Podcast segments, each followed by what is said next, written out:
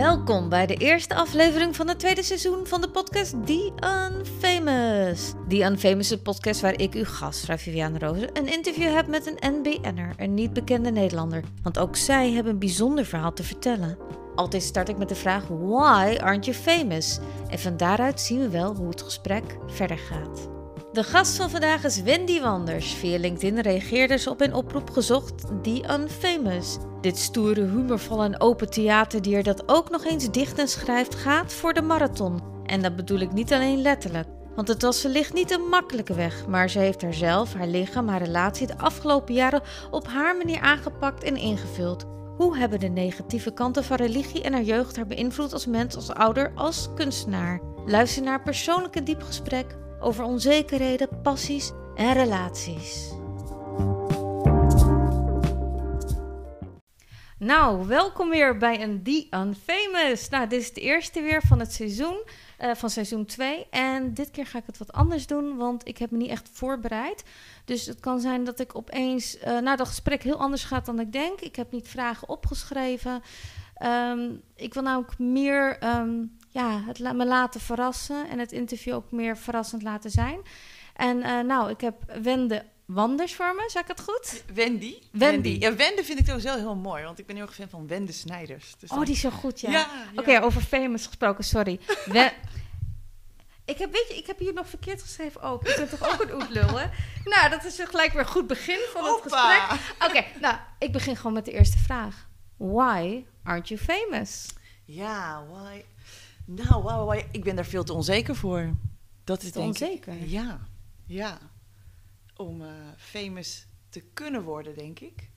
Daar, uh, dat, dat denk ik, dat ik daardoor... Uh, ja toch niet wereldberoemd ben. Want ik heb natuurlijk heel veel talenten. Nee, grapje. Nee, ik denk dat ik daardoor... Ben je nu bescheiden?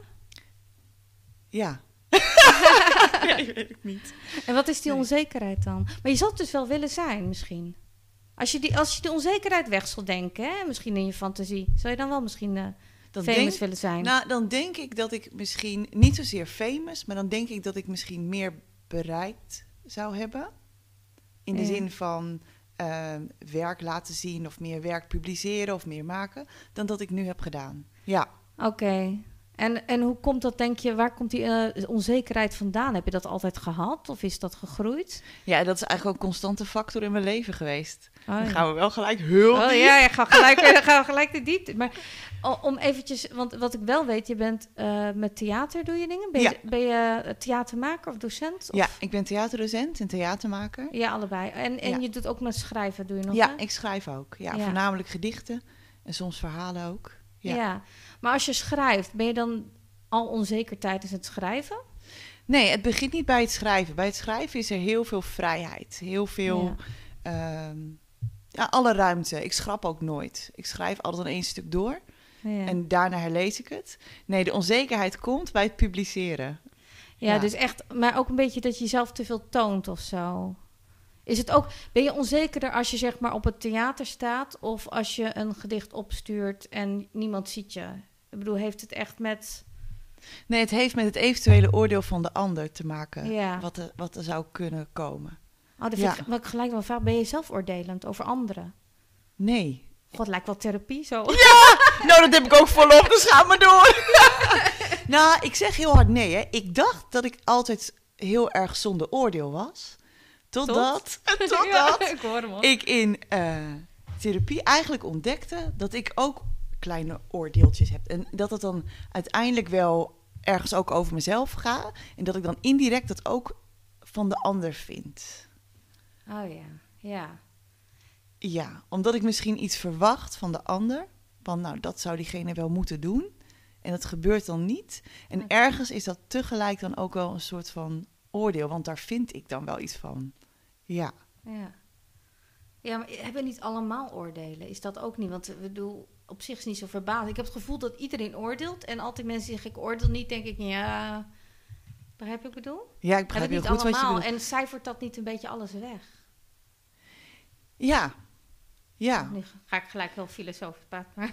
Ja, nou, ik, ik denk om, om te beginnen, ik denk inderdaad dat ieder mens oordeelt. Ieder mens vindt iets. Ja. En ik denk ook niet dat dat erg is. Het is wat je met inderdaad dat oordeel doet. het veroordelen, het, het ja, Of de je waarde daar- aan hechten ook te veel aan je eigen oordeel misschien. Ja, omdat je dan heel veel ruimte wegneemt om iets anders te kunnen laten bestaan, Ja. denk ik. Maar he- daar ben je dus, maar je zegt je hebt therapie, heb je het over. Dus Ja. je hebt er wel proberen aan te werken, aan die onzekerheid. Ja, eh, meerdere malen, ja. Ja, want je vroeg aan het begin van, nou, heb je dat altijd al gehad? Ik heb dat inderdaad altijd al gehad, echt als kind ook al. Omdat de wereld om me heen als kind heel onzeker was en heel onveilig. De- dat heeft met je ouders dan te maken? Of- Ja, ja, Wil je er iets over kwijt misschien? Want dat zegt natuurlijk Ehm. veel over wie je bent. ja. Ja, open en kwetsbaar had Oh, ik. ja, ja, je komt gelijk. Nee, ja, nee, ja, ik wilde er iets over zeggen. Het is, eh, mijn ouders, die over, overigens nu hele mooie mensen geworden zijn, maar eh, zijn zelf ook in een onzekere situatie opgegroeid. Waardoor ze mij niet de stabiliteit, mij en mijn zusjes, niet de stabiliteit hebben kunnen geven die we eigenlijk hadden moeten hebben als kinderen. Waar zie je die stabiliteit dan die je niet kreeg? Wat bedoel je daar precies mee? Eh, nou, veiligheid is een hele belangrijke. Het was, het was niet veilig. Ehm, aandacht, eh, gezien worden, ondersteund worden. Dus eigenlijk eh, ook een beetje verwaarlozing. Ja, niet op alle vlakken, want het waren ook hele mooie Geestelijk momenten. ja. Maar het, het, was, het was gewoon ja, niet veilig. Zoals hè, als je een beeld schept van, nou, zo wil ik moeder zijn, of zo wil ik vader zijn, of zo Mhm. willen we ouders zijn, dan heb je daar een bepaald beeld bij. En veiligheid is daar een heel groot onderdeel van. Ehm, en die veiligheid kun je bieden als je ook veilig bij jezelf kunt zijn. Of als je zelf ehm, ruimte hebt om die veiligheid te geven.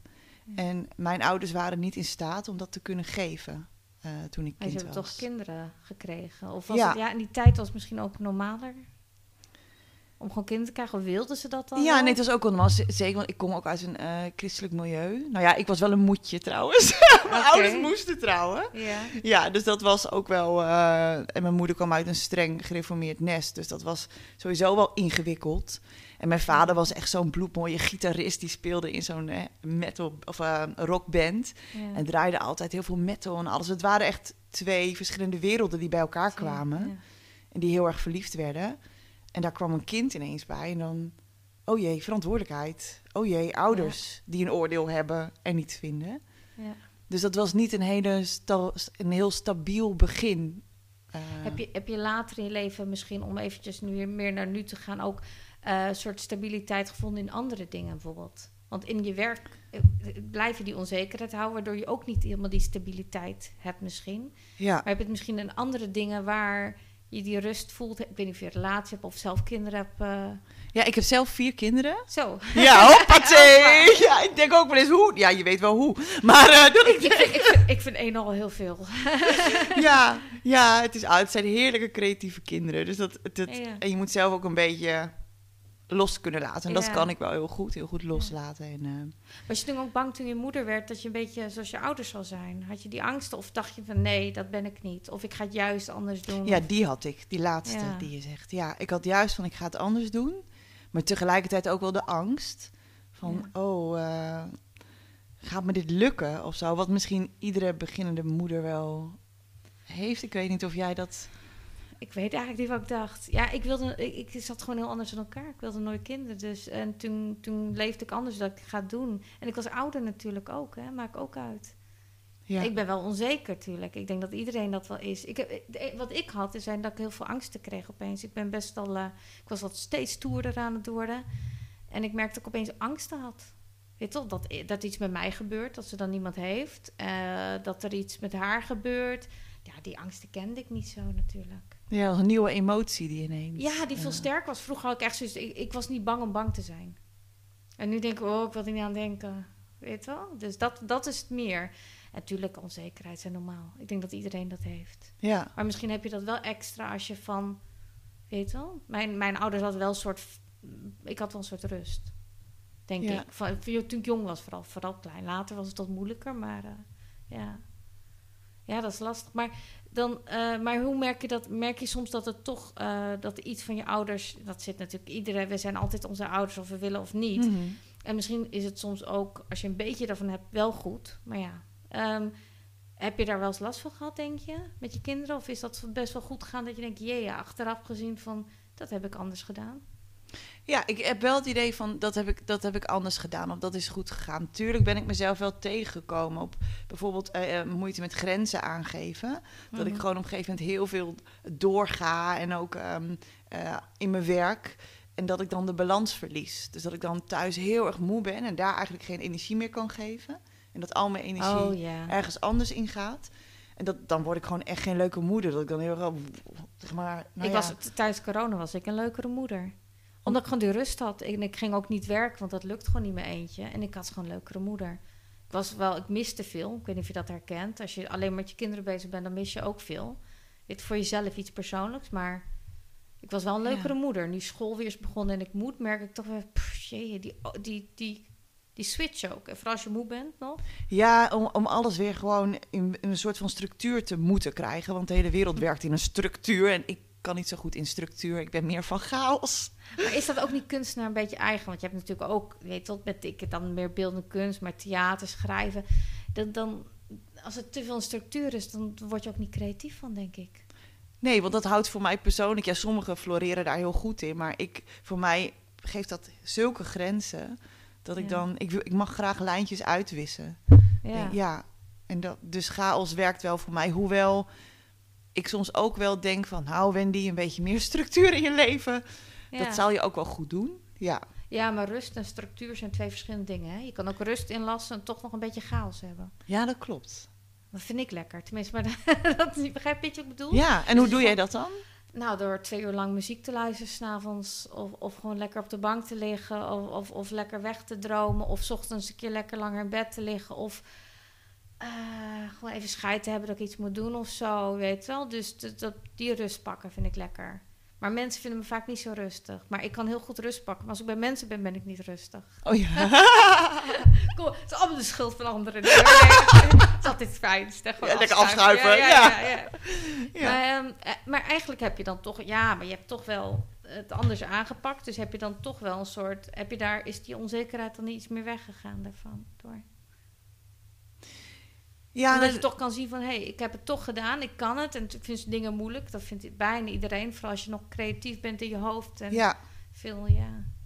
ja, ik denk, het, het is meer dat ik moet leren dienen, denk ik, met ook al vindt iemand anders er wat van, wat dan positief of negatief kan zijn. Ja, ik weet hoe vermoeiend dat is. Ja, dat ik dat los mag gaan laten. En ik denk als ik dat kan, als ik daar ben gearriveerd ooit, hoop ik, eh, dat ik daar ook kom, dat dan die onzekerheid ook wel verdwijnt.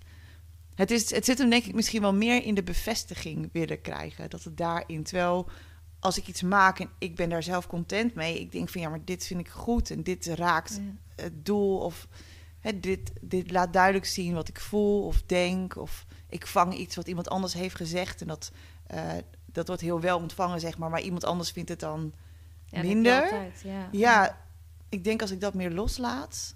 Maar mensen zijn ook wel eens een beetje, vooral in die social media tijd, toch wel best gemeen.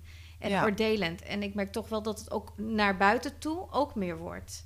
En dat mensen denken dat hun mening, dat dat, dat, dat gelijk belangrijk is of gewichtig is. Dat een ander dat moet weten. Terwijl in sommige gevallen denk je, ja, maar dat is smaak. En dat mag. Ik vind niet ergens mijn werk lelijk wordt gevonden of slecht. nee. Maar als mensen dat dan moeten gaan zeggen, ik, ik zal dat zelf niet. Doe jij dat geen naar mensen toe zegt, nou, als je dat had gedaan, ongevraagd? Nee, ik bedoel? nee of dat, dat, je zou ik ergens doen. gaat schrijven, nou, weet je, dat, ik vind dat zo. Nee, en dan is het ook, vind ik, als mensen me iets teruggeven, dat vind ik juist heel prettig. Want ik vraag ook graag wel van, joh, heb je tips? Of, Ja, maar dat is anders, dan vraag je het ook nog. Hè? Ja, precies. Dan, dan, dan sta ik er meer open voor misschien. Maar het is inderdaad ook wel de toon waarop iemand het zegt. Ja. Ja, als het anders verpakt zou worden, of nou ja, dan zou dat wat. Ik, ja, ik moet nog even denken, wat voor mij heel soms werkt. Laatste tijd doe ik dat niet zo, zou ik weer meer moeten doen. Maar eh, dingen met humor zien. Ik had een keer een vrouw die zei, nou, ik had eigenlijk boe willen roepen. En ik begon zo echt, ik zei, nou, had dat al gedaan? Ik zeg, ja, ik, begon ze wel te vertellen hoe ik het helemaal had moeten doen. Dus kennelijk was ze toch geïntrigeerd door het verhaal ergens. Want ze ging verder nadenken. Dus, maar ik, had, ik, ja, ik vond het zo, ja, dat, ik, vind, ik zie het als een soort scène van Friends of een andere Oh, ja. serie. Begrijp je ja, wat ik bedoel? Ja, En soms helpt mij dat in ieder geval om eh er doorheen te gaan. Maar dat ga ik nu bijna een tip geven. Maar dat, dat ja, weet ik niet. Dat werkt Ja. voor mij. maar heb je dan, want jij draagt ook gedichten voor. Ja. Dan, maar heb je dan ook dat je peilt bij een bekende, bij een vriend of vriendin of zo, dat je zegt van, hé, hey, hoe was het? En eh, was het echt niet gek of was het niet raar? Of... Ik, ik, ik vraag het soms, maar ik merk dat eh, ik vind het makkelijker om op te treden voor mensen die ik niet ken. En ik, ben, ik heb best veel mensenkennis, dus ik, ik merk het vaak wel. Maar ik vind het ook lastig, want dan laat je je ook zoveel beïnvloeden. En ik wil zelf gewoon. Ehm, ik, ik zie zelf ook wel wat beter kan. Maar ik ga ook niet mezelf zitten bekijken op video, wat sommige mensen doen. Dan zou ik helemaal gek worden. Ja. Ja, dat had ik. ik en soms vind ik het juist meevallen. Heb jij dat niet? dat je denkt, oh, best leuk. ja, omdat in mijn hoofd denk ik van wat, dat was bagger. Dan ziet, denk ik, nee, dat was toch niet slecht? Dat is best wel goed. Ja, dat, dat je het dan juist positief kan ontvangen. Ja, ik, maar ik vind naar jezelf kijken ook niet. Ik weet nog op de theaterschool, toen hadden we stemlessen. En er werd, het stem werd eh, opgenomen, maar ook je gezicht, zeg maar. Je werd gewoon gefilmd. Nou, ik was achter, ik kon gewoon niet naar mezelf kijken. Ik vond het echt verschrikkelijk. En toen zei de stemdocent, en had hij ergens natuurlijk ook gelijk in. Ja, ja als je niet naar jezelf kan kijken, dan eh, moet je hier niet zijn. Dan ga maar weg.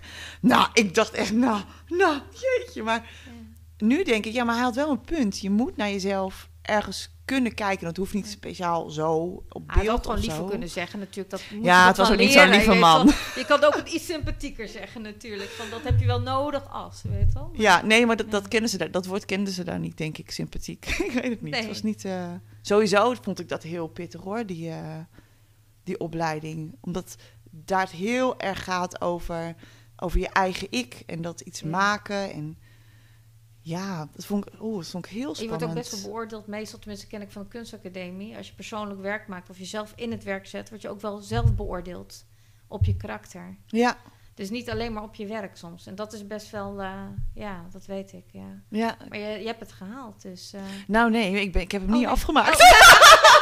Oh. Domper! Nee, nee. Nou ja, ik zeg altijd van, ik, ik, eh, dat, dat de beste mensen zijn soms autodidact. Ja, Toch de beste. Maar meestal zijn het ook wel mensen die inderdaad, ehm, of ze onzeker zijn of niet. Want ik denk dat sommige mensen die heel veel succes hebben en wel famous zijn, zeg maar, eh, heel ehm, zeker overkomen, maar niet per se zijn. Maar ze hebben wel scheid aan hun onzekerheid. ja. En dat is denk ik wel nodig. En dat is best lastig. Ja, het is... Maar ligt ja. dat altijd aan je? Want jij zegt het komt vanaf dat je jong bent, maar ligt het altijd aan jezelf? Vraag me dan af. Ligt het ook niet aan een soort cultuur of een soort, ja, dat we als mens gewoon als maatschappij, maar ja, moeten wat veranderen, wat sympathieker naar elkaar. Dat we wat vriendelijker naar elkaar zijn, bedoel je, in het Ja, reageren een beetje kom op, want ik denk soms van opbouwende kritiek helpt mij persoonlijk meer dan de hele tijd, weet je wel? Ja, maar het gekke is, ik heb eigenlijk nooit zo heel veel negatieve kritiek ontvangen of zo. Het, zit bij mij dan... Ja, dat is echt... Ja, maar dat is echt... Een vriend van mij zei tegen me, je moet meer fuck it tegen de wereld Ja, zeggen. ja. En niet op een nare manier, maar je moet meer scheid hebben aan wat Ja. mensen eventueel zouden kunnen denken. Ja. Dus ik bou- bouw eigenlijk al zoveel angsten in van, oh, maar wat zou er kunnen komen? Ik, zeg, ik denk ook wel eens, hebben we niet te veel tijd gewoon om na te denken. Ik bedoel, ik merkte ik, toen ik thuis was, was en je moet gewoon overleven een beetje meer. En kijken wat je de volgende dag doet, waar je eet, waar je staat, waar je slaapt, hoe je geld verdient. Dat ik merkte dat je be- ben je toch minder met dat soort dingen bezig. We he- hebben niet als mensen ook gewoon... Weet je wel, we krijgen altijd kritiek, wat is allemaal nu... Hoe noem je dat nou? Een beetje... ehm, ehm, ik weet niet of je spiritueel bent, maar toch wel een beetje van... eh, we moeten gelukkig zijn. Oh ja, en we kunnen alles mindful, we kunnen Ja. dit. En we moeten, mogen niet stressen, we mogen niet dit. Alles is slecht voor je, alles moet je beter. Dat geeft trouwens mij heel veel stress, want dan is er ook veel verwachting hoe je Ja. moet zijn. En is het ook niet zo dat we gewoon heel veel tijd hebben? Ik heb soms ook wel gevoel... Kijk, aan de ene kant hebben we druk met kinderen en dingen... maar we mogen veel nadenken. We hebben veel tijd. We hoeven niet te overleven meer. En dat we misschien een beetje nog mee moeten evalueren... als mens, als maatschappij, als cultuur. Ja, en ik denk vooral dat het te maken heeft met het eh, vertrouwen hebben in jezelf en het ergens dan ook tevreden zijn. Om. Omdat, ehm, nou bijvoorbeeld zo LinkedIn bijvoorbeeld. Nou, dan post Oh ja, ik ja, wel nou, eens daar wat. ken ik je dus van. Ja, Ja, ja. Heb je op gereageerd? Nou, en dan, dan post ik eens wat. En dat is niet per se helemaal werkgerelateerd. Misschien wel een linkje, maar vaak iets wat ik dan eh, denk... oh, dat linkt weer iets moois aan iets anders. En dat plaats ik. Of het is een gedicht. Nou, dan zet ik dat eh, neer. En dat laat ik dan een half uur staan. En daarna denk ik, hmm, kan dit eigenlijk wel? Hmm, hoort dit wel op LinkedIn? Zou ik dit niet op Instagram moeten doen? Ah, is het het wel waard om te plaatsen? Nou, dan gaat zo'n heel riedeltje in mijn hoofd. Echt, nou, Oh, over ja. te veel tijd gesproken. en ondertussen ben ik dan wel andere dingen aan het doen. En op een gegeven moment haal ik het er dan af. En dan word ik ergens wel een beetje boos op mezelf. Denk ik, nou, waarom haal ik dit er nou af? Het is toch mijn feed, mijn bijdrage? Als iemand het Ja. niet leuk vindt, nou ja, dan gaat hij me toch gewoon ontvolgen. Ja. Maar dat is dus zo'n voorbeeld van zo'n dingetje waar ik dan onzeker over kan worden. Dat ik dat dus, dan sta ik dus niet helemaal voor wat ik eigenlijk de wereld in wil gooien. En, want dan haal ik het, het er is- toch af. Ik heb soms ook wel het gevoel, ik weet niet of jij dat hebt, maar het is ook wel heel tijd vermoeiend om jezelf te zeggen: kom op, fuck that. Weet, als je dat de hele tijd moet zeggen, dan wordt het ook een truc. Begrijp je wat ik bedoel? Ja, Dus soms denk ik ook van hoe kan je met iets leren leven zonder dat je de hele tijd zo moet vechten ervoor. Want dat geeft ook stress natuurlijk. Als je tijd moet denken van ja, maar ik moet het doen. Ik moet niet tegen. Maar misschien moet je wel gewoon van LinkedIn af of zo. Nou, ik blijf nog maar. Ik het gezellig, maar, maar bij wijze van spreken, je weet wel. Ja. Dus je denkt misschien is dit wel gewoon niet mijn ding. ja. Dat het ook kan zijn natuurlijk. ja dat, dat, dat hij meer in plaats van de reis naar buiten, dus wat zouden anderen vinden, meer de reis naar binnen maakt van wat is dan echt goed voor me of zo. Ja, en is het allemaal nodig? Ja, Is niet te veel. Oké, dat vind ik wel over, over famous gesproken. Hè? Je voor, je wat meer zekerheid. En je was in ieder geval, nou ja, famous is misschien bekend met je werk. En dan dat is fijn, want dan kan je er meer mee verdienen, toch vaak. Heb je meer mogelijkheden. Kan ook meer stress geven trouwens, dat hoor je bij mensen ook. Maar, eh nu ben ik weer ook even vragen. Ik zit zo van duizenden dingen te denken. Ehm, nee, maar dat, dat, ja, dat wilde ik zeggen. Dat, dat het ook een tijd is waar we zoveel ons eigen gezicht moeten laten zien in plaats van ons werk. Dat ik het Ja. gevoel heb soms dat ik van ik wil gewoon werk maken zonder de hele tijd mezelf alleen maar te moeten promoten. ja, dat vind ik zo mooi. Dat, eh, de vader van mijn kinderen, Harm, die zegt dat ook. Die had, die kan, hij kan heel goed tekenen. En hij eh, postte op Instagram en, en een tijdje stopte hij. Toen zei ik, joh, wat stop je? Je krijgt toch heel veel volgers? Hij zei, ja, maar ik was het even kwijt waarom ik het deed. Deed ik het omdat ik die volgers zo prettig vond en die likes? Oh ja. Of deed ik het omdat ik het echt heel leuk vind om te illustreren? Hij was dat even kwijt. Toen zei ik, ja, maar dat maakt toch helemaal niks uit. eh. Maar, maar hij zei, jawel, maar voor mij wel. Voor mij is een soort van inte- integriteit tegenover mijn cre- creëren, zeg maar. Van, waarom doe ik dit? En heb ik dan speciaal die likes van anderen, dus die bevestiging van anderen nodig om te kunnen creëren? En daar ben ik wel over na gaan denken. Toen denk ik van, hé, hey, volgens mij mag ik daar ook wel meer mee aan de slag gaan. Van waarom creëer ik? Wat is mijn eh, echt allereerste doel of drang om te gaan creëren? En wat wil ik daar dan mee En bereiken? wat denk je dat dat is? Ben je al achter? Ja, ik denk met, schrij- met schrijven is het gewoon echt luikjes in mijn hoofd en mijn hart openen om dingen op papier te krijgen. Ja. En als eerste voor mezelf. Oh ja. En daarna, meestal als ik het daarna nog een keer lees, denk ik: hé, hey, wacht eens even. Volgens mij kan ik hier iets moois mee maken. En dan ga ik kijken: hé, hey, wat voor zinnen kan ik er nog meer mee creëren? En, en misschien uiteindelijk zelfs wat voor voorstelling zou ik hiermee kunnen maken. Maar het allereerste is gewoon het toch wel uiten van wat er in mijn hoofd, of waar dan ook maar zit. Ja. En met theater heb je dat dan ook? Of? Ehm, Want dan heb je toch een publiek, hè? Dan ben je Ja. altijd iets bewuster van. Ja, en daar werk kijken. ik ook meer vanuit opdracht. Dus ik maak vooral educatieve voorstellingen. Dus dat begint vaak, vaak met een aanvraag van... joh, dit is het thema zou je daar iets van kunnen maken? Ja. Nou, dat lukt dan gelukkig altijd wel. Eh, maar nu ben ik met een voorstelling bezig en dat wordt een solo-voorstelling. Mijn eerste, echt super spannend. En eh, samen met een gitarist, die kwam ik per toeval tegen in een of andere eh, ondernemerscommunity in Emmen. En die begint wel heel erg vanuit die luikjes in mijn hoofd, zeg maar. En vanuit die kwetsbaarheid. En ook steeds de vraag stellend aan mezelf: durf ik dit voor publiek te spelen? Durf ik dit eh, op te schrijven? Daar begint het eigenlijk al mee. Ja. En dat vind ik wel interessant trouwens hoor, wat je zegt. Durf, durf je dat? Misschien moet je zelf als een eh, kunstwerk zien.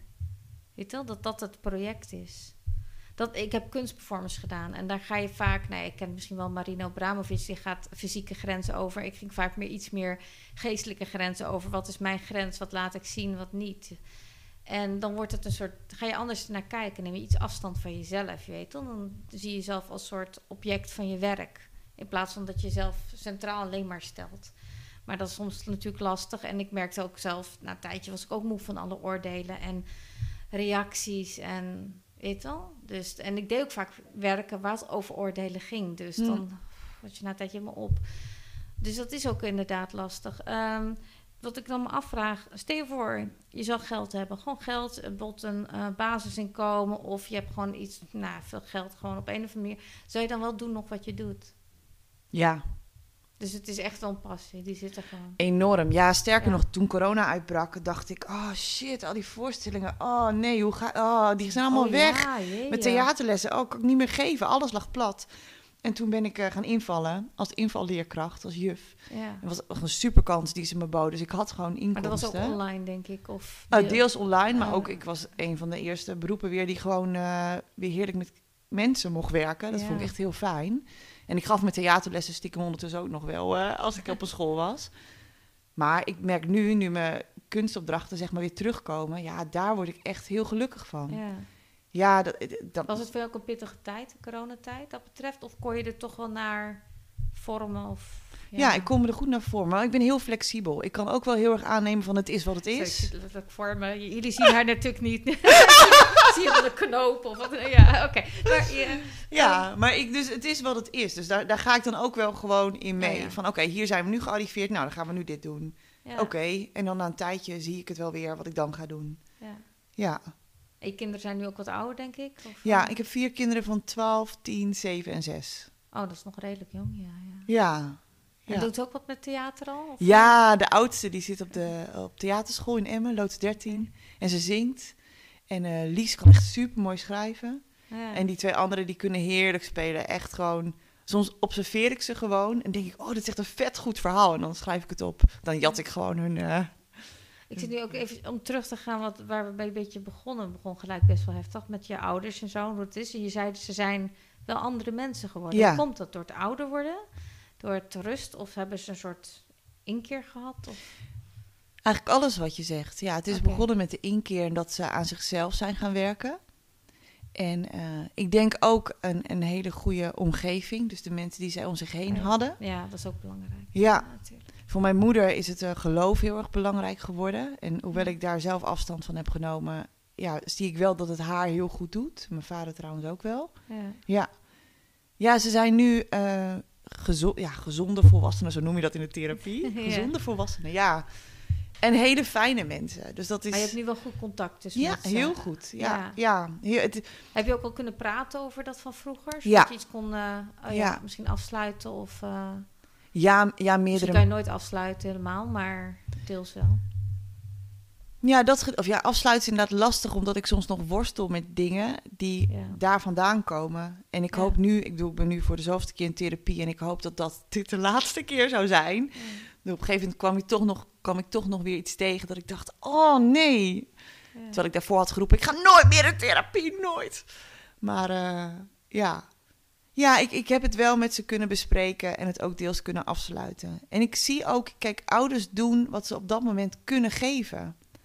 En het is niet, ik bedoel, ik ben niet bont en blauw geslagen of zo. Het is gewoon, het was, het was mooi geweest als het anders had kunnen gaan. Ja. En daarin zit denk ik ook wel een heel groot stuk verdriet eh, ergens nog in bij. Met dat ik dacht, ach, wat... Hoe is dat dan als je bijvoorbeeld naar haar school, dus op wat een basisschool denk ik? Ja, Ja. Ja. Als je dan kinderen ziet, eh, zie je soms bij kinderen dingen dat je denkt. Ik vraag me dat altijd af, hè? Als kinderen op school zitten, er zijn natuurlijk een percentage heeft gewoon geen goede thuissituatie. Ja, En merk je dat dan aan de kinderen? Ja, voel je dan heb- betrokken extra door je eigen ervaring misschien? Ja. Of zie je het sneller? ja ik, ik signaleer het sneller. Ja, ik heb daar wel voelsprieten voor. En mijn zusjes trouwens ook. Ja. Kan je daar überhaupt iets tegen doen? Ben ik altijd nieuwsgierig naar. Maar volgens mij ben je altijd door heel veel, nou ja, de wet en dingen, kan je weinig doen gewoon.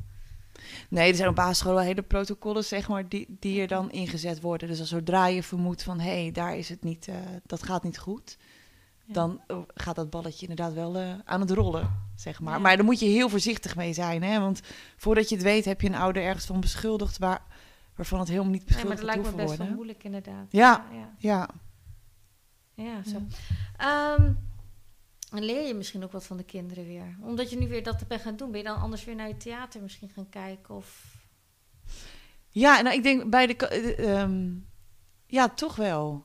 Ja, nou, ik ben eh, het the- eh, vakdocent nu op e- één basisschool. Op de woensdag heb ik eh, kinderen van 1 tot en met 8 krijgen dan allemaal theaterles. En eh, in coronatijd kon ik dat dus niet zou doen. mijn dochter moeten hebben. Ik zeg altijd, al- als zij gaat spelen, wordt ze een overactor. En dan is eh, Jim Carrey haar eh, opa, speelt hij. Oh ja, Zo, zoiets of zo oh, wordt het. geweldig. Oh, heerlijk. Ja. Maar dan is ze wel heel vrij. Eh, bij mij vooral. Nou, vind, bij anderen vindt ze het soms nog moeilijk. Ja. Ja. het begint een beetje los te komen, maar eh, ja. We zijn altijd met z'n twee ook geweest. En ze heeft altijd, voelt ze bij mij wel dat. Maar soms het ook helemaal gek wordt. Ik weet altijd niks. Ah, al die gekke bekken van. Maar ik, ze lachen ook heel veel. Dus, eh, ja. Ja. Maar ik, ik heb wel... dat dat niet op elke school is eigenlijk. Ja, hè? maar dat vind ik ook. Ja, ik vind ja, ja. eigenlijk dat iedere school dat moet gaan aanbieden. Ja, maar alles met creatieve vakken. Qua muziek, qua, qua alles eigenlijk. Ik merk het bij mijn eigen kinderen. Hè. Ze zitten echt op wel een leuke school die heel veel thematisch werkt en ook heel veel kunstdisciplines inzet. Maar ik merk toch ook, de nadruk ligt op rekenen, taal, lezen. En Zucht. tuurlijk, ja, en het zal natuurlijk allemaal moeten. Maar mijn kinderen zijn echt geen geweldige rekenaars. En helemaal toen de Zito er was. Nou, mijn dochter was stokongelukkig, want ze haalde gewoon een E. Ik zei, nou vind ik ook knap dat je gewoon het laagste haalt. best, ja. ja, toch? Ik zei, ook, ik, zei, ik zei ook toen mijn dochter, die had echt heel zeer goed wel spelling. Echt heel goed. En dan matig van rekening. Ik zeg, hé, je bent echt een mens. Ja, Zo van, ja. Je bent een mens. Ja. Maar zij vindt het niet erg. Mijn dochter zegt ze van, ja, ik bedoel mijn best. Klaar. Oh ja. Nou, die van mij had er echt wel Maar last is nog van. jong, hè? Want het hangt ervan, ik weet niet hoe oud zij is. Welke dochter. Tien. Ja, dat maakt wel uit hoe ouder ze worden, hoe vaak last. Je ziet het ook met kunst op school. Dat ze steeds, ook met tekenen, dat ze steeds meer gaan inhouden, niet meer durven. Komt ook door de lessen. Dat komt niet alleen door de kinderen. Ze Ja. moeten bepaalde verwachtingen hoe je moet tekenen of wat de opdracht is. En denk ik, laat, doe het wat wilder, doe het wat ruiger, doe het wat. Weet je wel? Ja, ja, ze gaan ook steeds kleiner tekenen. Nou, het is heel priegelijke Ja, dingetjes. terwijl je denkt, ja, maar dit is je vlak. Ja. Neem het in. Ja, en juist dat los, Ja. ja. dat lekker. Maar met alles, met theater, met muziek, weet je, het is ook lekker gewoon doen en genieten. Ja, En daarna komt er iets uit of niet, weet ja, Of, ja, en zo werk ik ook heel erg. Eh, Heel erg niet gelijk naar een kunstzinnig doel, maar heel erg vanuit het proces en de verbinding en het samen. En een stuk concentratie wat ik erbij pak. Ja. De- pak je het ook, denk je, anders aan dan andere theaterdocenten? Dat je bepaalde dingen denkt van, nee, dat, moet, eh, dat kan je beter niet doen. Of weet je dat je misschien bepaalde dingen vrijer, inderdaad, waar je het over hebt of zo. Of, ja, ik denk dat iedere theaterdocent zijn eigen manier van Ja, aanpakken ja. heeft. Ja, er is geen vast termijn van Dus zo geef je een Zou theaterles. opleiding echt theaterlessen echt geven? Het is wel steeds Docent? meer, eh, waar ik op zat was docent theater. Dat, dat, het is volgens mij wel veel meer richting die educatieve, eh, hoe noem je dat? Richting die theaterlessen zeg maar gegaan. Hoe moet je dat geven? Didactiek en dat soort dingen. Ja. Maar ja, dat was het toen ook al honderd jaar geleden toen ik erop zat. Ik weet eigenlijk niet hoe dat nu is. Nee, Nee. nee. Nou, ik had ook wel op school gezegd, het mag ook wel het bewegingstheater meer zijn dan dat soort dingen, vooral voor de kleine kinderen. Ja, maar als het goed is bieden ze dat dan ook wel aan. Tenminste, bij mij komt alles voorbij. Pantomime, poppenspel, bewegingstheater. Ja, Dus- nou, hier komt ook wel redelijk. Maar ik merk bijvoorbeeld bij mijn dochter, die, die kan heel artistiek dansen. Ik heb echt filmpjes waar je denkt van, nou, heel artistiek, heel creatief. Echt een beetje improvisatiedans noem ik het dan. Eh, maar dan moet ze daar van die pasjes leren. Maar dat is heel Nederlands. Dat is gewoon van 1, 2, 3 en dan je armen zo en dan dat. eh, je weet dat de hele tijd zo'n stop en dan een beweging, stop, beweging. ja, En, en ja, dat is soms jammer als kinderen iets anders hebben. Kan je daar niet je ei in eh, ja, kwijt, zeg maar. Dus meer Ja, en dan- en dan- diversiteit soms, weet je? Dat je mogelijkheden voor kinderen biedt. Ja. Verschillende soorten sferen. Maar ik zou dan juist als ik de docent was kijken van... hé, hey, wat is mijn doelgroep? Of wat heb ik nu in, ja, wat heb ik nu in de zaal staan? Ja, En als heel veel kinderen daar behoefte aan hebben... dan als het goed is moet je daarin kunnen meebewegen. ja, ja. Denk ik dan Ja. ergens. Ja, soms heb ik een les voorbereid. Denk ik, oh, we gaan hier maar we gaan dit doen, we gaan dit doen, we gaan dit doen. En dan, kom ik, eh, dan komt de klas binnen. En dan denk ik, ja, dat kan ik allemaal wel willen. Maar daar zijn zij helemaal niet aan toe. Dus dan ga ik een hele andere kant op. Wat vind je trouwens als, ook als artiest? Dan hoorde je dat laatst van... ehm, ik hoorde van laten, hoorde die Prins Bernhard van de... Oh ja, met die, Dat- ik heb gezien, ja. eh, ja die van- moest gratis van gaan optreden. Ja, Ja, gratis optreden. En wat ik Zes special. Ja, zes special, maar Ja. ook van een andere, eh, hoe heet het nou, Jet Rebel, die zei ook van, dan komt hij in het buitenland en voelt hij zich veel meer gewaardeerd als kunstenaar. Dus dan speelt hij in een heel klein zaaltje, maar helemaal, oh, het is echt een muzikant, eh, hij maakt iets unieks. Is het ook niet, eh, dat, merk je dat misschien zo, heb je als het buitenland bijvoorbeeld opgetreden? Nee, Merk je dat verschil? Nee, Nee. oké, kan je dan niet, eh, nee. Maar ik denk wel... de kijk, ik- waardering voor kunst een beetje hier Ja. gezellig meer is, dan dat het echt... Ja, en ook vaak wel, maar dat is misschien wel meer Drents. En dan vooral Emmen, waar ik woon. Doe maar normaal, dan doe je al gek genoeg. Dat is ook Overijssel. Ze dat ook. Dus ja, van nou, en denk vooral maar niet dat je iets, eh, iets bent. Daar heb ik een keer een voorstelling over ja. geschreven. Oh, leuk. Ja, over een, eh, een man die wilde eigenlijk schipper worden. Maar zijn, zijn vader had een dozenfabriek. En dat had zijn vader ook gehad. En hij moest doen wat zijn vader altijd deed. Ja. En dan zei hij op een dag van, ja, maar mijn vader, ik wil schipper worden. Jij, schipper? Je hebt niet eens een zwemdiploma. Nou, alle opties die hij opgooide, werden eigenlijk weer de grond ingetrapt. Ja. En eh, dat, toen zei die vader van een, een doos is een doos, dat is al wat er is. Net als jij, jij bent als die doos. Je stelt niets voor. Dus denk maar niet dat je iets, dat je iets bent. En die, al die dromen van die zonen werden gewoon allemaal als een luchtbel doorgeprikt. Maar hij had een dochter, Anne. En Anne die kon nog wel dromen. En die zorgde dat haar vader ook weer ontroest, zo heet de voorstelling, ontroest Oh, werd. mooi. En dat hij weer kon dromen. Ja, en daar zit ook heel veel, denk ik ook wel lagen vanuit mijn eigen jeugd in. Maar ook wel een beetje dat, die mentaliteit van, nou, doe nou maar normaal, dan doe je al gek genoeg. En laat jezelf vooral niet zien en eh dim maar een beetje in. En Ja. verwijder je LinkedIn-post maar weer, want wie zal dat? Dus is het misschien ook niet een beetje die onzekerheid voort uit een, gewoon een soort cultuur ook? Ja, Want Ja, ik bij mij merkte ja. het ook wel eens dat ik vroeger was ik een beetje meer eh extra, ja, ik ben, eh, was heel extrovert op zich kon ik zijn. En, maar ik was meer in de ransel, dat maakt toch wel een beetje uit. En hier merk ik ook dat het lastiger is. Ik zal niet snel een kunstperformance hier doen bijvoorbeeld. Maakt ook niet uit. Ik bedoel, hier zijn andere dingen die ik fijn vind. Maar je merkt zo wel dat heel erg expressie... Ja, het moet allemaal ja, een beetje gedimd worden. ja. Gedempt, gedimd. Nou ja, allebei. Wat kan. Net hoe je het ziet. Ja, het, het vind, ik- vind ik wel grappig. Hoe kan dat dan? Wat maakt dat we dat hier niet durven? Of dat het hier zo... Nou, Ja, nou ja, misschien. Ze zeggen wel eens van dat het door het Calvinistische komt, hè? Dat dat heel erg hier gekomen is. En dat daardoor dat zo gekomen is. En het heeft ook heel veel voordelen. Ik bedoel, rationeel zijn heeft ook heel veel voordelen. Maar het is soms wel een beetje. Je hoort dat soms artiesten naar Amerika om die reden gaan. Of, of acteurs. Al dat, dat gewoon. Oh, ook ondernemers zelfs. Ja, ja. Ah, ik merk wel een shifting. Ook in Emmen wel. Ik merk wel, er wordt veel meer eh, culturele dingen worden er gedaan. En er is een, eh, prachtige eh, stichting De Kunstbeweging... die heel erg op de scholen zit, VO en primair onderwijs... om eh, kunst weer eh, eh, daar te krijgen. Ze zijn al langere tijd bezig. Loods 13 theaterschool is er. Dus er worden echt wel hele mooie dingen gedaan. Dus ik merk wel, het wordt steeds meer... eh, het wordt steeds meer open om dingen neer Als te ik heel zetten. kritisch mag zijn, mag jij zeggen wat je ervan vindt. Ik heb het gevoel dat het creatiever wordt, maar niet kunstzinniger. Oeh. Dat Omdat ik merk dat de durf weg is. En dat er best wel een vertrutting is binnen de kunst ook. Ja.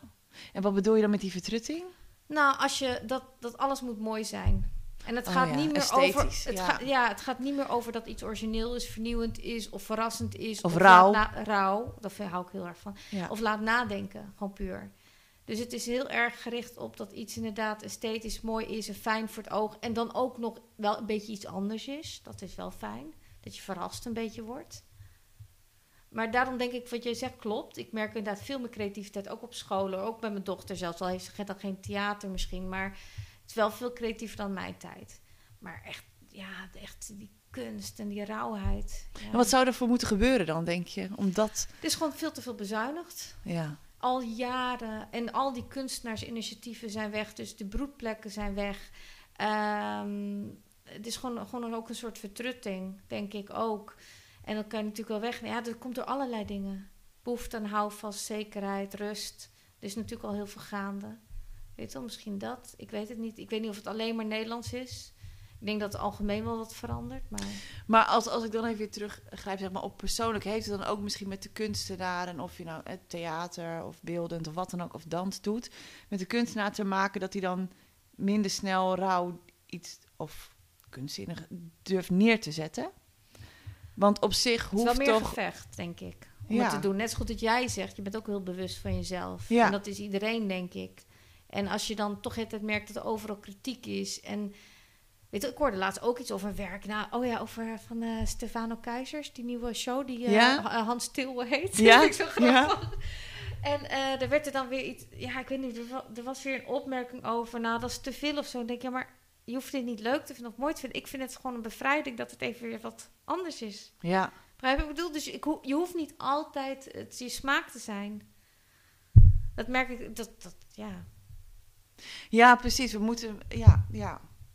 Ik hoorde eens een keer van de dichteres. Nou ja, die, die hield van, eh, nou ja, als ik het zeg, weet misschien wie, eh, sommige mensen wie ze is. Maar die houdt ook van Celine Dion. Nou, dat kon niet, want eh, je bent literair en dan kan je niet van Celine Dion houden. Of van het Eurosong Festival. ja, en dat zijn dus van die vakjes, en van die oordelen. ja, wat ja. Zo ik, denk, ik vind het juist gaaf, want dat maakt haar zo eigen. ja. En wat maakt het uit? Ik weet het niet. Ja. Ja, nou van dat soort oordelen, daar, daar, want je vroeg aan het begin van oordeel jou, dus dat, daar heb ik dus totaal geen last van. Daar schop ik dan heel erg tegen aan. Nou, mooi, doe maar Dus lekker. als daar- theaterstuk, hoppakee. Ja, ja. Ja. Nou, je merkt het met cabaretiers ook bijvoorbeeld. Dat, ze dingen, dat, ze, dat er veel meer vraag is van wat kan je zeggen, wat kan je niet zeggen. En dat soms mensen gewoon gevaar lopen. Ja, en ik vind, want ik kijk wel eens uh, Hans Steeuwen. We hadden, jij noemde het net even, maar die heeft nu ook op, op uh, YouTube heeft hij allemaal filmpjes. Oh, ja. En daar heeft hij echt eentje met een konijn. Nou, als, nee, goed, ik ga het niet eens beschrijven wat hij doet. Maar als ik het kijk, dan denk ik, oh, dit kan echt, oh, dit kan echt. Maar ik vind dat ik al denk, oh, dit kan echt niet. En eigenlijk niet wil kijken en toch kijk. Dat vind ik dus sterk. Dan Ja. denk ik, hij durft dingen te zeggen die wij allemaal wel eens denken. Maar dat zeggen we gewoon niet. Denk je dat hij niet onzeker is? Ja, vast wel. Maar dat weet ik ook omdat ik een keer een interview met hem heb gezien. En dat hij Oh, best oh wel ja. heel veel last ook Oké. van depressie en zo eh, heeft gehad. Maar eh, hij doet het wel gewoon. En, en Ja. misschien is de scheidsfactor dan heel erg. Of, of de drang om het de wereld in te gooien. Of om te provoceren. Of... Denk je dat mannen dat meer hebben dan vrouwen misschien? Ja, ik dacht het altijd wel. Maar ik heb laatst met iemand gesproken waarvan ik dacht dat hij heel zeker was. Weet je, alles mee. Goede kop, leuk karakter. Maar die was heel onzeker. Dus ik ben, ik ben daar een beetje van teruggekomen. Dat ik denk, mannen zijn niet onzeker. Mannen hebben misschien wat meer, wat sneller scheid aan dingen. Of ze mogen ook niet onzeker zijn, dus laat het Ja. ook niet blijken. Ja, dat zou hem ook zijn. We hebben je door, mannen. Eindelijk. ja. Verder snap ik eigenlijk helemaal niks Nee, van. helemaal niks. Nee. Don't, don't start. Ja, Oké, ja, nee. ehm, laten we naar eh, iets heel anders gaan. Ander, ander onderwerp. Want als je, als je werk eventjes eh, wegvaagt, eh, nou ja, wegvaagt. Je begrijpt het in je hoofd Mhm. even niet over werk of kinderen. Van, wat, wie ben je? Wat, waar, waar hou je van? Wat is, noem eens nog wat, pa- of is echt alleen maar je werk en dat je passies? Ja, het schrijven is wel een heel grote passie. Maar ik, ik hou ook ontzettend van hardlopen en crossfit. Word ook moe als ik het hoor. Ja, maar ik had dat anderhalf jaar geleden ook niet Hoe gedacht heb je hoor. er tijd voor? Vier kinderen, werk, Ja, dat dat. vragen heel veel mensen. Nou, ik ben, ik ben eh, in eh, maart, was dat 2020, ben ik begonnen met eh, de gangmaker koeken in de prullenbak gooien. Ik ben 57 kilo afgevallen. What the... Fuck, ja. Ja, Zeven, shit. ja. 57? Ja, echt enorm. Ik wil echt, ja, Ik zou echt niet zeggen, dames en heren, dat kan toch bijna niet? ja, dat is echt waar. Ja.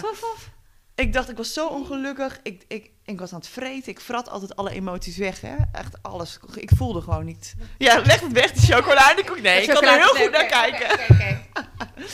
En toen... Er eh, zit wel weinig suiker in, is wel biologisch. en, eh, oh, heel goed. en daarna moet je ook een rondje rennen als je. Ja. Zo erg ben ik niet. Ik ben op een hele gezonde manier gewoon gezond gaan eten, goed voor mezelf zorgen, wandelen, toen hardlopen. Ja. En toen ehm, de sportschool open ging naar de sportschool. En nu is dat een soort van eh, of ja, verslaving. Ik vind het heerlijk om te doen. Ja. Ja, daarin kom ik tot rust. Hardlopen en crossfit. Ik heb een halve marathon gelopen. En volgend jaar ga ik een marathon. Doe maar, jee. Ja, Over goals gesproken. Nou, hè? Ja. Jee, wat Ja. knap. Ja, maar dat is Ja. echt knap. Maar dan, dan heb je toch wel een, hele, een soort wil. Of, of het gewoon fijn ook? Want je zei ook... eh, of was dat pas later? Bij het begin lijkt me misschien... denk pff, nou in het begin was ik vooral verwonderd dat ik de knop om had gezet. Dat ik dacht, huh, het is me dus gelukt. Maar wanneer kwam die knop? Was het eh, een opstapeling van dingen of gebeurde er opeens iets? Ik Of- was heel ongelukkig. Ja, mijn huwelijk ging echt kut, wil ik zeggen. Ging echt Mag je niet. heel hard zeggen hier. Ging echt kut. Nee. Ja. En, eh, oh nee, nee, ik zeg dat je mag niet schelden met vrouwelijk geslacht. Oh, nee. Dat is positief. Dus oh lul, ja, was gewoon echt lul. gewoon, echt ja, vreselijk. lul, ja. Het was echt piemel. Nee, dat is helemaal geen scheldwoord. hè? klinkt niet. Nee, Dat niet. pikman. Ja, maar die is wel iets fijner. Is iets fijner, hè? Ja, ja. Ja, en ik was gewoon alles aan het wegeten. En ik, ik steeg eigenlijk boven mezelf soort van uit. Ik zag mezelf zitten. Een soort van die scène uit Bridget Jones, All By Myself. Dat ze met zo'n lam met zo'n wijnfles. Nou, Ja. zo lag ik daar bijna, maar dan met gangmakers. En eh, ik dacht, ah, dit wil ik niet meer. Wat ben ik aan het doen? Ik ben gewoon ongelukkig. Ik ben me ervan bewust. Kom op. Beetje zo. En Ja. eh, schop onder de kont. En toen... Klaar, dus ik was verwonderd. Ik heb die knop gevonden en ik ging. En hele kleine stapjes. Eerst vijf, dacht ik, oh, vijf eraf. Oh, misschien kan ik nog een keer vijf. Hé, hey, dat lukt. En hoe lang heb je het over, gedaan? Hoe lang is het geleden dat je daar aan begon, zeg maar? Eh, eind februari 2020, ja, begin maart 2020. En het is nu, wat, wat is er nu? Augustus. ja. Jee, maar dat is best 2021. snel. Ja, het is heel snel gegaan. Ja. Ja. Ja, maar ik ben ook zes keer in de week gaan sporten. Dus in plaats van Netflix Maar kijken, ook sporten. met eten anders zeggen. Ja, Ja. Want dat is wel al belangrijk. Omdat ik merk soms als je dan opeens niet sport meer, omdat je ziek bent of wat dan ook, dan moet je uitkijken dat je niet hetzelfde blijft. Ja. Weet je, dat is lastig. Gewoon goed voor je lijf zorgen. Weten Ja. wat je erin stopt. Inderdaad, biologisch Ja, ja, knuffelen love met myself. jezelf ook. Oh ja. Ja. Maar Self-love. ja, zelf... Ja. Oh, ja. dat is heel Sorry hoor, maar je mag nu naar huis. Even wat self-love doen hoor. Klinkt zo. nee hoor, wees maar niet bang. Oh. Daar, ben ik, ben ik te moe voor nu. Ik zeg altijd, je bent moe of moeder. Ja. Overtreffende trap van moe is moeder. Moeder, ja. Ja. Ja. En ik neem mijn kinderen ook wel vaak mee. Zoals mijn, mijn dochter Nore, die is eh, zeven en die kan, het is een hele goede coach. Dus dan gaat zij op de fiets en dan eh, loop ik daar zo te hijgen. En dan zegt ze, kom op mama, kom op. En dan, eh, ja, dus zo vind ik daar een beetje Maar het is dan, ah, ik ga heel persoonlijk vragen hoor, mag je ook hoeven niet op te Ja. antwoorden, maar is je relatie daarna beter geworden? Ook daardoor? Nee joh, ik ben Of juist vreemd gegaan. zo, iedereen Ja, weet het ook. Oké, iedereen weet het. Ja. Nee, oh, ik ben er heel open over. Nee, mijn relatie, ik lach Oh, nee, heel hard, maar dat is natuurlijk helemaal niet grappig. Maar eh, nee, mijn, maar mijn huwelijk ging al een tijdje gewoon echt niet goed. Twee ongelukkige zielen Ja. uit een ja. eh, beide soort van gebroken gezinssituatie wel. eh, vinden elkaar en vanuit ook wel een soort van, weet je, je zit in zo'n christelijk milieu en dan iedereen gaat trouwen. Oh, nou, dan moeten wij ook maar trouwen. Nou, dat is, ja, gaan we ook. En we waren wel verliefd, maar hij is nog veel te jong en wisten wij veel waar we aan gingen. Eh 22 Ja. ja. en 18 toen we, toen we verkering kregen. ja. Dus ja, dat, het waren, ja. En, en toen ineens, eh, nou, aan het begin van ons huwelijk vond al een groot drama plaats. We zijn wel bij elkaar gebleven. Ja, en toen eh, werd ik zwanger. En toen nog een keer. En toen, nou ja. Hoe was dat voor eh, ook je kinderen oh, trouwens? Was dat een lastige tijd? Of is dat, hebben jullie dat toch, hebben jullie nu, zijn jullie tot elkaar gekomen qua met de kinderen, dat daar soort Nou, we zijn, ehm, we zijn bij een het? mediator beland. En ehm, eh, we hebben de kinderen daarin wel eh, heel open meegenomen. Van, eh, we, ik heb, we hebben gezegd van, we zijn jullie papa en mama. En dat blijven we altijd. En we werken soms samen, dus we zijn collega's en het gaat heel Ja. goed. We zijn ook hele goede vrienden en dat is nog steeds zo. Maar man en vrouw zijn vinden papa en mama heel ingewikkeld. Ja, volwassenen Ja. maken er echt een eh zooitje van soms. En, eh, Ja. en ze, weet, ze weten natuurlijk niet de precieze dingen, dat weten ze niet. Dat hoeft ook niet. Nee, het nee. gaat om dat ze een basis weten. Precies. Ja. En eh, dat was voor hun een soort van nou, nieuwe basis. En omdat er geen haat en nijd was, en natuurlijk ook wel verdriet, maar het, ik heb niet het idee dat de kinderen er heel veel last van hebben gehad. Nee, en misschien krijg ik dat later wel terug. Maar... ja, maar je krijgt altijd iets terug. Ja. Begrijp ik bedoel? Steve, als je wel samen was gebleven. Ik ken ook iemand die juist boos is dat, hun ouders, eh, dat haar ouders samen zijn gebleven. ja. Dus je, kan, je krijgt altijd iets terug. Nee, en we hebben wel. We hebben wel, ja, het is natuurlijk weer een beetje onorthodox. We zijn nog wel samen in een huis. Dus living together apart, zeg maar. Dus.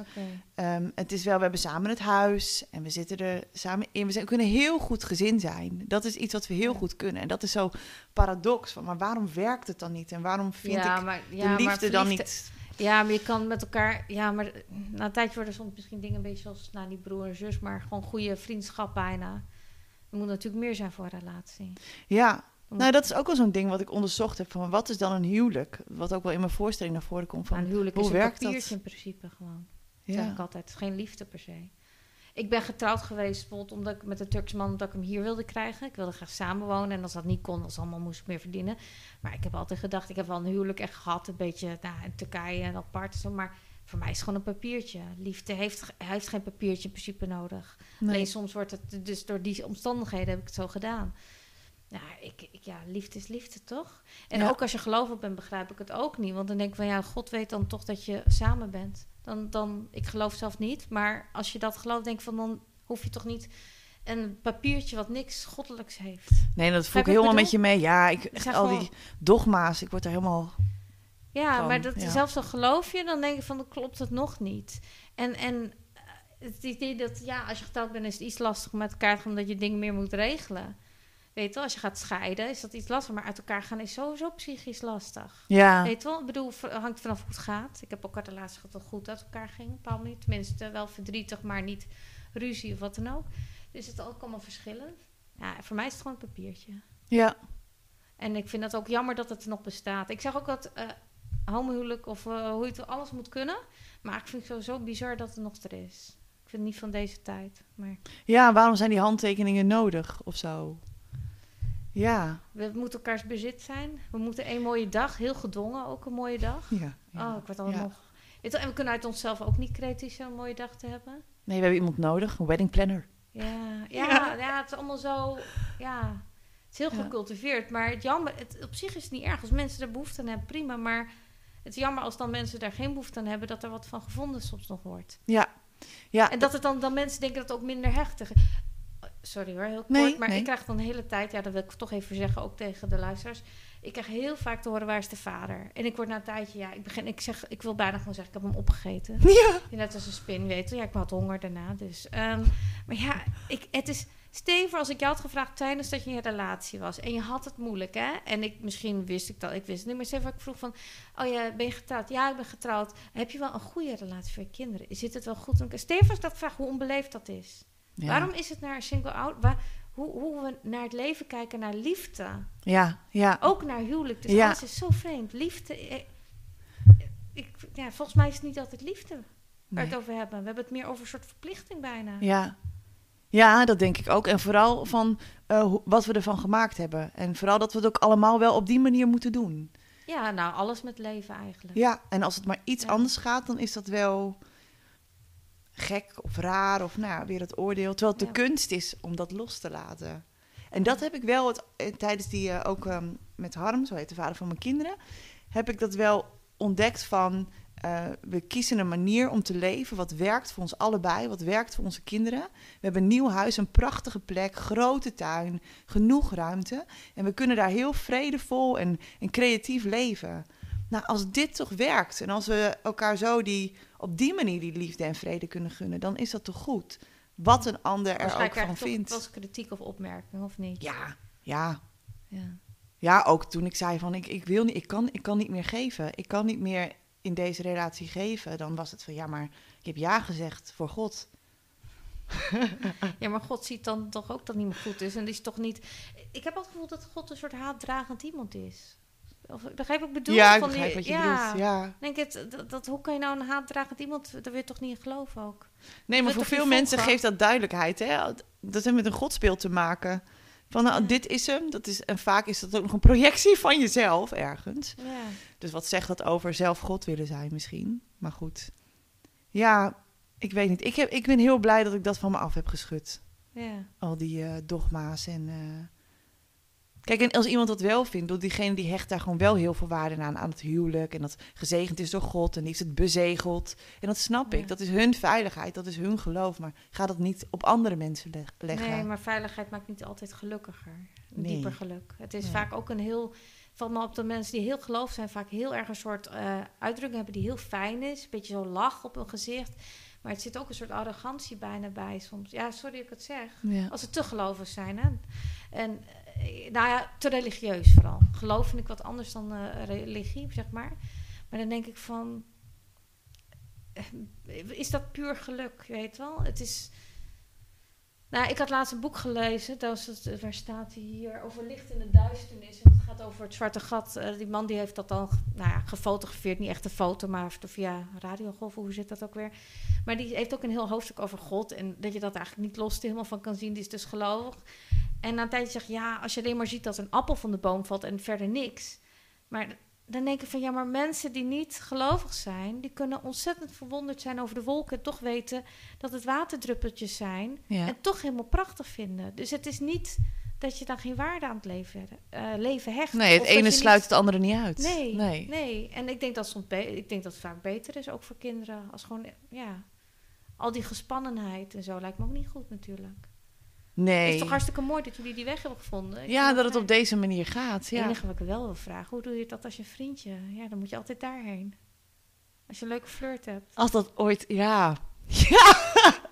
Dames We en het heren, ze is toch vrijgezel? Nee, nou voorlopig, eh, pff, nee hoor. Och, nee. Je hebt genoeg te Ik heb doen. mijn handen. Ja. vol aan mezelf, zeg Ja, maar. ja. Ja. Dat, eh, nee. klinkt En dat, fout, ja, dat is klinkt heel fout, ja. Je had het ook al door. het door. Ik wilde eigenlijk nog een opmerking daarna maken, maar ik dacht, dit ga ik niet doen. Die kon, ben heel andere het. Post- ja. Maar eh, nee, en dat is ook iets, weet je, dat is ook voor de kids toch wel dat ik denk. ik kan prima. Ik heb niet, en ook voor mezelf, ik heb niet iemand nodig om mij heel, ja, dat klinkt heel, maar om heel te zijn, om compleet te zijn. Nee, en natuurlijk is is, toch gewoon wel eens leuk. Ja, ik, even voor de gewoon seks, ik heb bedoel twee- je? Nee, ik bedoel ook liefde. Gewoon eh, dat, je, dat, je, dat je naar iemand komt die je gewoon kent. Dat je gewoon dingen kan bespreken. Ja, eh, Ja. Dat het warmte is, een omhelzing. eh, dat je eens een keer lekker gewoon er lelijk bij mag zitten. Dat Ja. iemand je kent. Dus niet, Maar alleen, dat- maar die, die, niet alleen maar die eerste flirt. Dat is ook leuk, maar binder dan het. Dus ja, enough, enough. Niets niet meer. Nee, ja. Nee. Nou, nee, maar dat, dat weet je, dat helemaal gewoon uh, lelijk bijlopen, dat doe ik thuis ook wel. En dat is Harm er natuurlijk ook. ja, maar dat is iets anders, want die kent jou. Dat bedoel ik dus. Dat je je Oh, weer veilig- helemaal opnieuw, bedoel Ja, je? nou, dat- die dat- nieuwsgierigheid en die... Ja, nou ja, ja, ik weet niet. Ik, ik, ik, ik, ik ben het ene moment heb ik echt zoiets van absoluut niet een man in mijn leven. Absoluut. Ik zou niet moeten denken. Ik wil gewoon mijn gang gaan. Ik wil ook geen kritiek hebben over mijn opvoeding. Ik wil gewoon, weet je, ik heb al genoeg dingen. Weet je fysiek, eh, werk, eh, kind. eh, weet je, ik heb zelf genoeg en ik hoef dat niet. Inderdaad, het hoeft me niet compleet te maken. Maar het is toch wel leuk, die verliefdheid, gevoelens en het fysieke. En, en het is toch wel s'avonds soms heel stil. Ja. Weet je wel? Dan, dus dan denk je van, dan is het wel fijn weer. Aan de andere kant denk ik weer niet. Dus ik weet het niet. en je moet Nee. er tegenkomen natuurlijk. Ja, dat is het ook. En niet geforceerd, tenminste, ik hoef niet geforceerd op zoek naar iemand. Tuurlijk heb ik wel iets van, oh, dat zou ik, dat ik een soort van beeld maak van, oh, iemand die bijvoorbeeld ook avontuurlijk is en die me meeneemt. Ben En, je avontuurlijk? ja, En hoe... eh, anders zat ik hier niet. nee, ja, god, dit is een heel... maar wat bedoel je ook qua avontuur? Bedoel je ook qua... Want ik ben dan weer een reiziger. Ja. ook qua reizen en dingen? Ik, ja, dat had ik heel graag willen. Dat kan nog. Ja, wel. Ja. Het, is last, het is wel lastig natuurlijk met werk en kinderen en... Ja, maar ik zie nooit beren op de weg. Dus ik, ik, Oh, als ja. ik iets wil, dan ga ik ook. En dat kom dus ondertussen. morgen ben je in Alaska of... eh, Als dat zou kunnen. ja. Als dat zou kunnen. Ja, dat blijft toch altijd lastig. Ja, dan- Financieel ja. of... eh, ja. Ja, ja, precies. Tuurlijk, je hebt wel middelen, financiële middelen nodig. En eh, Ja. ja, omdat ik, maar ik ben, ja, ik ben wel avond, ik mag graag het avhoofd opzoeken. En het hoeft niet speciaal gelijk naar het buitenland, maar bijvoorbeeld, nou, hier zo bij jou aan tafel Ja, zitten. Ja, oké. Dat soort dingen. Ja, dat Ik hoop dat niet heel eh, dat avontuur je oké bevallen is. ik vind het tot nu toe een leuk avontuur. ja, nou, want we zijn al bijna tegen begin al tegen het einde aan te komen. Oh, we hebben oh. nog een paar minuutjes, dus we kunnen nog wel over dingen hebben. Wil jij nog gewoon ergens over hebben? Wil ik het nog ergens over hebben? Oké, dit zijn Of van die vragen. zeggen tegen de mensen die eh, luisteren? Hallo. Nee. Hallo. hey, how you doing? Er vanaf wie, Oh ja, wie vond jij. Joey het leukste bij Friends? Nee, nee, nee. Oh, Het was. Chandler. Ja, ik ook. Ja, Oh, ja. dat, maar zijn humor. Ik vind humor heel belangrijk. Ja, ja, absoluut. Ja, en een beetje zijn onnozelheid. weet Ja, maar ik vind hem ook aantrekkelijk en knap zonder dat hij zo overdreven is. Ja, Ja. Ja. Ja, en Ross was een beetje zo'n goofie, weet je wel. Of ik moet... Weet je zo. ja maar ik, ja, dat zijn gezicht is niet zo... Had het mooi liggen, dat wel trouwens. Dat zie je bij niet, maar dat zag er wel goed uit. Oh, ik ga even googlen. dat we hier van de stoel toen- afstoppen, ja. Ja, ja. Eh, met wie identificeerde jij het meest qua vrouwen of mannen? Phoebe, denk Ja? ik. Ja, maar ja, dat denk ik. Ja, die andere twee waren zo... eh, om door een ringetje te halen of zo.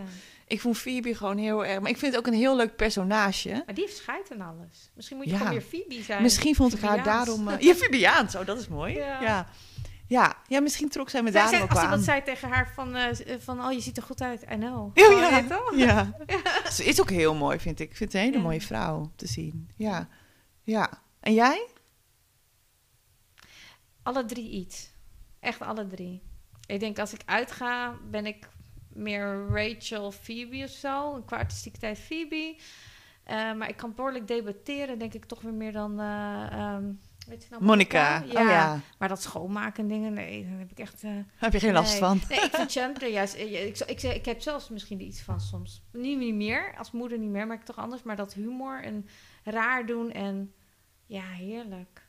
Ja. Ja, ja, dat mis ik wel een beetje, moet ik zeggen. Misschien is dat als ouder of waar je woont. Ik bedoel, ik weet niet of Drenthe zo spectaculair is. Ja, Emmen is misschien anders, maar... Spectaculair. Mooi. Nou, het wordt wel steeds leuker. En ik ga natuurlijk wel meer uit nu ook. Dat vind ik... eh, ja, dat, dat is heerlijk. zo lang geleden. Ja? Ja, ik heb geen oppas. Ja, Wil je een oproepje doen?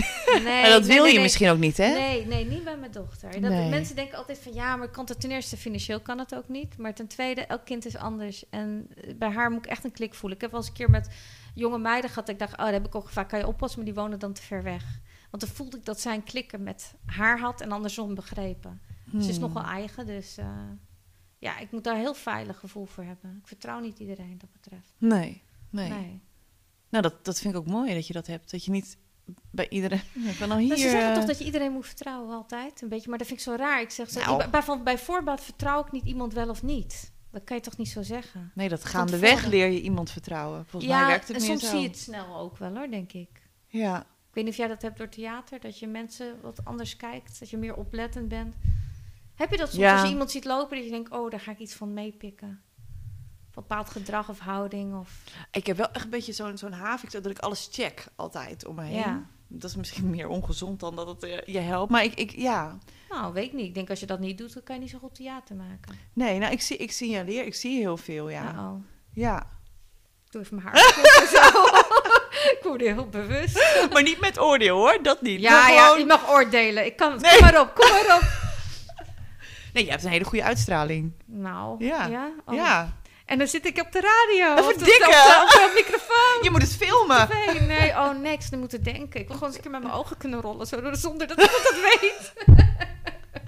Is er iemand dat we hier in onze ochtendjassen zitten? Oh nee, dat zou ook gek zitten ja. zijn. Ja. Dat ik hier in mijn ochtendjas had. Nou ja. Mag het gemogen hoor, Had gezellig. gemogen. Oh, Doe volgende nou. keer pyjama party. Ja. ik, ja, ik ben al tegen... Het gaat veel te snel. Ja. Heel interessant. En ik, het, wat, wat ik, eh, om eventjes te eindigen, het is een beetje gesprek, maar ik vind het heel kom binnen en dan vertel je al die dingen. En dat de eerste indruk heb je dat niet bij jou, natuurlijk. Nou, kan som- bij sommige mensen wel, maar je komt wel een beetje, nou niet, je komt niet onzeker over en al die dingen. Dus het is altijd interessant hoe dat werkt. Maar dat heb je ook bijvoorbeeld mensen die depressief zijn, dat soms hele vrolijke mensen zijn. Chef Special, die, die zanger, Ja, ja. kennelijk depressie en zo. Ja, en alles. En zit ja. aan de medicijnen. Dan denk je van, oké, ik voel me wel somber en dingen, maar dat uit ik gewoon. Dus eigenlijk ben ik best misschien wel vrouwelijk. Begrijp je? Dus dat het soms heel andersom is. Ja. ja, het eerste beeld geeft niet meer. alles weg. Of het is allebei ook. Ja, We zijn natuurlijk een divers persoon, weet wel. ja mijn eh gestalttherapeut. ik heb een gestalttherapeut. Ik, dan ga ik Duits praten. Ik weet Ja. dat komt door het woord gestart. Ja, gestart, ja. Maar die, die, dat is natuurlijk zo mooi. Het geheel is meer dan een som der delen. Het is niet het een of het ander. Het is het hele plaatje. Maar het zou ook wel mooi zijn als we dat dan meer mogen uiten ja, en dat begint denk ik met misschien meer stukjes van jezelf delen. Hoe eng ook. Ik bedoel, ik dat heb nu ook... weer? Ja, ik heb Vond nu... eng trouwens? Even serieus, mag je echt serieus? Nee, ik vond het gesprek niet. Ik, ik, ik Maar wel straks heel- als het wordt uit. Ja, dat is wel een stuk spanning. Ja. En ik heb van tevoren wel ook natuurlijk tegen vader van mijn kinderen gezegd van... joh, wat mag ik delen? Wat mag ik zeggen? Oh, Ik ja. heb dat wel even, want hij weet hoe chips. open ik Ik ben. wilde nou net alle andere dingen weten hoor. Maar eh, nee, wel even. eh, dus dan, dan ben ik minder bang dat het zeg maar straks eh, de wereld ingegooid Ja, wordt. Dit. ik, ga wel, ik ga wel heel van tevoren zeggen, het, is, het wordt allemaal minder, het wordt verschrikkelijk, en dat soort dingen. En dan valt het hartstikke mee. Weet je, zo het kan ook. Nou, helpt dat bij jou trouwens eventjes, dat vind ik wel interessant, ben ik benieuwd. Voor, ehm, als je bijvoorbeeld zeg maar gaat optreden met zenuwen, is dan om te zeggen, ik kan het? Of zeggen, ja, nou, dan mislukt het maar. Dus welke ben je meer van dat je jezelf omhoog praat? Oh nee, ik ben heel Of erg in het moment. Ik, ik, het eerste wat ik denk is, oh, waarom doe ik dit? En daarna wil je nog een keer. Ja. het is echt, maar dan sta ik op en op het podium. Ik, ga ook, ik ben ook een vreselijke acteur tijdens een repetitieproces. Want dan, dan presteer ik gewoon eigenlijk niet zo goed. Ja, ik, leer mijn tekst wel en zo, maar ik floreer echt op het podium in het moment met het publiek. Publiek ook. In die energie. Ja, maar dat, dan, ja, dat, dat herken ik. Ja, Ja, dat herken ik ook. Met, ook met voordragen. Je kan het oefenen, je kan dingen, maar je hebt dat publiek nodig Ja. om te weten ook wat je doet. ja. Zelfs aan te passen soms, van wat werkt en niet, Ja. wat voel je. En soms ter plekke inderdaad op het podium. En dat moment Oh, dat- van dat alle energieën zeg maar bij elkaar komen. Oh, dat vind ik magisch. Dat vind ik. Of dat iemand inderdaad of rolt met zijn ogen of wegkijkt. Of dat je dan. Oh ja, dat daar krijg ik nu nog kippenvel van. Dat vind ik prachtig. Ja. Maar dan ben je toch niet helemaal onzeker. Want iemand rolt met zijn ogen. Nee, maar dan dus niet. Nee, maar dat is dus. Nee, en ik denk over mijn acteerwerk ook niet. Maar dat is dus meer met grote mensen dingen, noem ik dat. Zoals een LinkedIn of in een ondernemingsberoepplaats komen. Oh my god. Nee, maar dat is met toch, echte grote mensen, is het ook ondernemers. niet, is het ook niet dat het onzekere is dat het te gecultiveerd is, te, het is te bewust allemaal. Ook, ook meetings en zo, van die netwerkbijeenkomsten. Dan moet je een elevator pitch en Ja. En ik wil gewoon wat lachen of rare grapjes maken. En, en toevallig kom je op je werk of zo. Ja, Ga je Ja. wat spontaner? Het is allemaal zo... Het, ja, het klinkt allemaal zo Maar serieus. ik krijg ook geen waarde, geen werk. Misschien is het gewoon... Nee, maar echt, het is gewoon heel lastig als je heel eerlijk en open en, en, niet, en ook zegt dat je niet altijd... Mijn werk is mij niet zo heilig, denk ik, als voor jou. Nee. Begrijp ik bedoel? Ja, ja. En, en ik vind het heel leuk om te doen, maar ik ben op mijn best als ik gewoon het reizen ben en, en op de Bonnefoy dingen doe. Dan ben ik gewoon op mijn kracht. Maar dat Ja. is niet werk. Of op de dansvloer, vroeger, podium. En nu, dans je nu nog? Eh, nee, dat kan je ook wel zien. Ik ben Nou, helemaal niet. Nee, ik was echt, ik ben echt, eh, ben voor het eerst overgewicht in mijn leven. En dat was ik daarvoor nooit. Nee, ik heb zoveel gedanst. En maar dan zijn ze ook, oh, sommigen zeiden, ik moet professioneel doen. Nee, maar dan ben ik slecht. Dan word ik gewoon slecht. Ik kan het ook niet, want dan moet je van alles. Dan ga ik ook niet genieten. Maar misschien is dat juist wel professioneel. Hoe bedoel je? Nou, dat als mensen tegen jou zeggen van je moet professioneel doen, maar dat jij zegt van ja, maar ik wil juist vrij, en zo, zo dat je jezelf. Ja, maar ik wil het ook niet als beroep. Ik wil er niet aan verdienen. Dat oh, bedoel zo ik ook. bedoel je dat? Ja. Ja, want dan wordt het gemaakt, dan wordt het een ding en niet meer. Ik wil gewoon lol hebben en dansen. En ik ben ook. eh, ik stop als ik moe ben. Oh ja. Maar ik ben nu niet eigenlijk moe, maar ik moet wel stoppen eigenlijk. Ja, wat, wat een mooie brug. Ja. Maar ja, ik vond, ik vond het echt. Om te, ik vond het echt een mooi gesprek. En ik vond het heel fijn dat je ook heel open was. Want dat merk ik soms bij mensen dat ze nou net niet durven om dingen te zeggen of te denken dat is te veel. Maar eh, ja, ik heb wel het gevoel dat ik je hebt leren kennen. Maar volgens mij is er nog veel meer. Ja, we hebben nog niet alle laagjes afgepeld. Nee. nou, volgende keer één voor één hoor. Nou, eh, ja, bedankt. Ja, nou jij bedankt dat ik eh, hier mocht plaatsnemen. Ja, en wees alsjeblieft niet, maak je geen zorgen. Ik denk dat mensen dit boeiend gaan vinden. Nou, gaan het niet. zien. Of niet, is ook goed. Ja, Vrijheid, vrijheid. dan niet joh. Ja, dan rot op. nou, doeg!